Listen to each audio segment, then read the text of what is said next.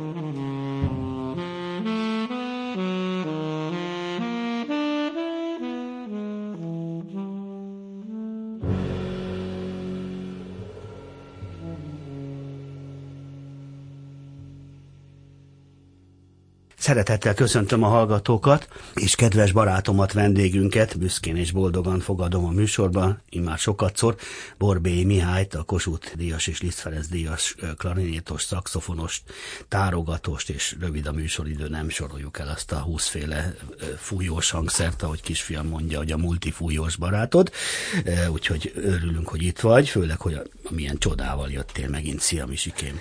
Szervusz, köszöntöm a hallgatókat, és köszönöm a meghívást. Megérezted a kérésemet, hogy ezen a szép ünnepi héten ilyen mennyei muzsikával gyere, és mondtad magadtól is, hogy azzal jövök Tibikém, mert van itt valami új csodám. Erről mesélj. Tavaly évvégén jelent meg ez az album, amelyről egyébként az első számot, tehát a lemezkezdő darabját hallgattuk. Az album címe az Éjszaka csodái, a, a szám pedig, ami felhangzott az előbb, az estére mi marad belőlem. Egy ilyen tervem már régóta érlelődött, hogy egy nyugodtabb, meditatívabb lemezanyagot felvenni, azért is, mert minden lemezen van, van ilyen jellegű, vagy ballada, vagy mélyebb spirituális tartalmú számom, vagy számunk a kollégáimmal együtt, és azt éreztem, hogy ahogy a Kind of Blue Miles Davis lemezét végighallgatjuk, vagy nem Coltrane tudom, Ballads. Ballad, a ballada lemezeket, vagy Bill Evans lemezeket, ja, nagy, ne, nagy, ne nyugodt ne is zenéket tovább, 45 per, percig le tud kötni, tehát nem feltétlenül kell mindig meglódulni. Uh-huh. Ezen az albumon is persze aztán vannak kicsit mozgalmasabb darabok, de alapvetően ez a hangulat, amit most is hallottunk, ez határozza meg. Először csak a hangulat volt meg, aztán amikor felvettük a lemezanyagot, ugye van rajta jó pár kompozíció, nekem azt hiszem öt szerzeményen van, Tálasáron zongorista barátomnak van egy szerzeménye, és felvettünk rengeteg szabad improvizációt, amelyek ilyen átvezető szerepet töltenek be, de ezek is rendkívül jól sikerültek, és azt éreztem, hogy van egy egységes hangulata a lemeznek, és ha jól válogatom össze a sorrendet, akkor egy, egy éjszaka története rajzolódik ki belőle, és tényleg így kezdődött egyébként egy Pilinszki sor ihlette ezt a számomat, a Van, Van Gogh imája, a, a, abban egy sor, ez az estére mi marad belőlem, és ez egy ilyen esti elnyugvás, amikor az ember a fáradtan hazaér, elpihen, a lemez utolsó darabban pedig a fény már kelt, hívogat, kelteget, és ez egy, ez egy éjszakának a történéseit, az álmokat, a, a megnyugvást, a, a különböző gondolatokat, a fohászt, és, és minden olyan dolgot, amely, amely az ember életében éjszaka is előfordulhat. Csodálatos volt az első, biztos vagyok benne, hogy így lesz ez tovább is, úgyhogy elhallgatunk. Jöjjön akkor az estére, mi maradt belőlem, utána se vonat, se állomás, Borbély Mihály csodálatos kvartettje, gyönyörű borítású kivitelű albumon, és az éjszaka csodái, ugye bár a lemez Igen, ez az elmé, és azt hiszem a nagy hét hangulatához és szellemiségéhez. Külön köszönjük neked.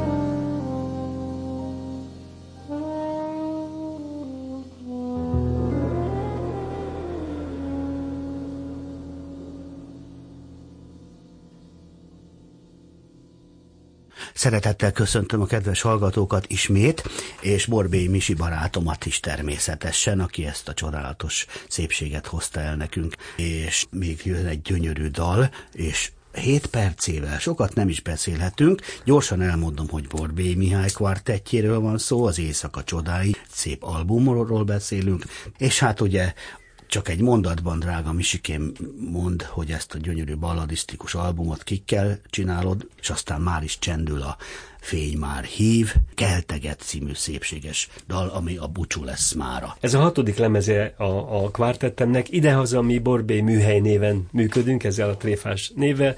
A nemzetközi gyakorlatban, meg a lemezeken ugye a, te, a külföldi terjesztés miatt mindig a hagyományos forma van, tehát a kvártett megnevezés, mert ezt a szójátékot a, a Mihály műhely szóviccet nem nagyon értenék. Ebbe a zenekarban most már öt éve azonosak a tagok. Horváth Balázs alapító tag a bőgös, tehát ő már 2000 óta játszik ebbe a zenekarba. Tálas Áron zongorista, épp az előbb beszélgettünk, nagy Billevans rajongó, és amikor ezt az éjszakai hangulatot megérzik belőlem, hogy mhm. ennek az egész lemeznek mi a koncepciója, akkor ők is a fiatalkoruk ellenére olyan nyugodtak, elmélyültek és bölcsek lesznek, hát. és most már hatodik éve dobosunk G. Szabó Hunor, vele is már két albumot vettünk fel, tehát ez a kvártett összeállítása. Jó pár helyen bemutattuk már idehaza, külföldön is voltunk vele, és megyünk is még, úgyhogy egy, egy népszerű és jól fogadott albumról van szó. Visszavárunk további műsorokra, Borbé Misi köszönjük. Én is köszönöm.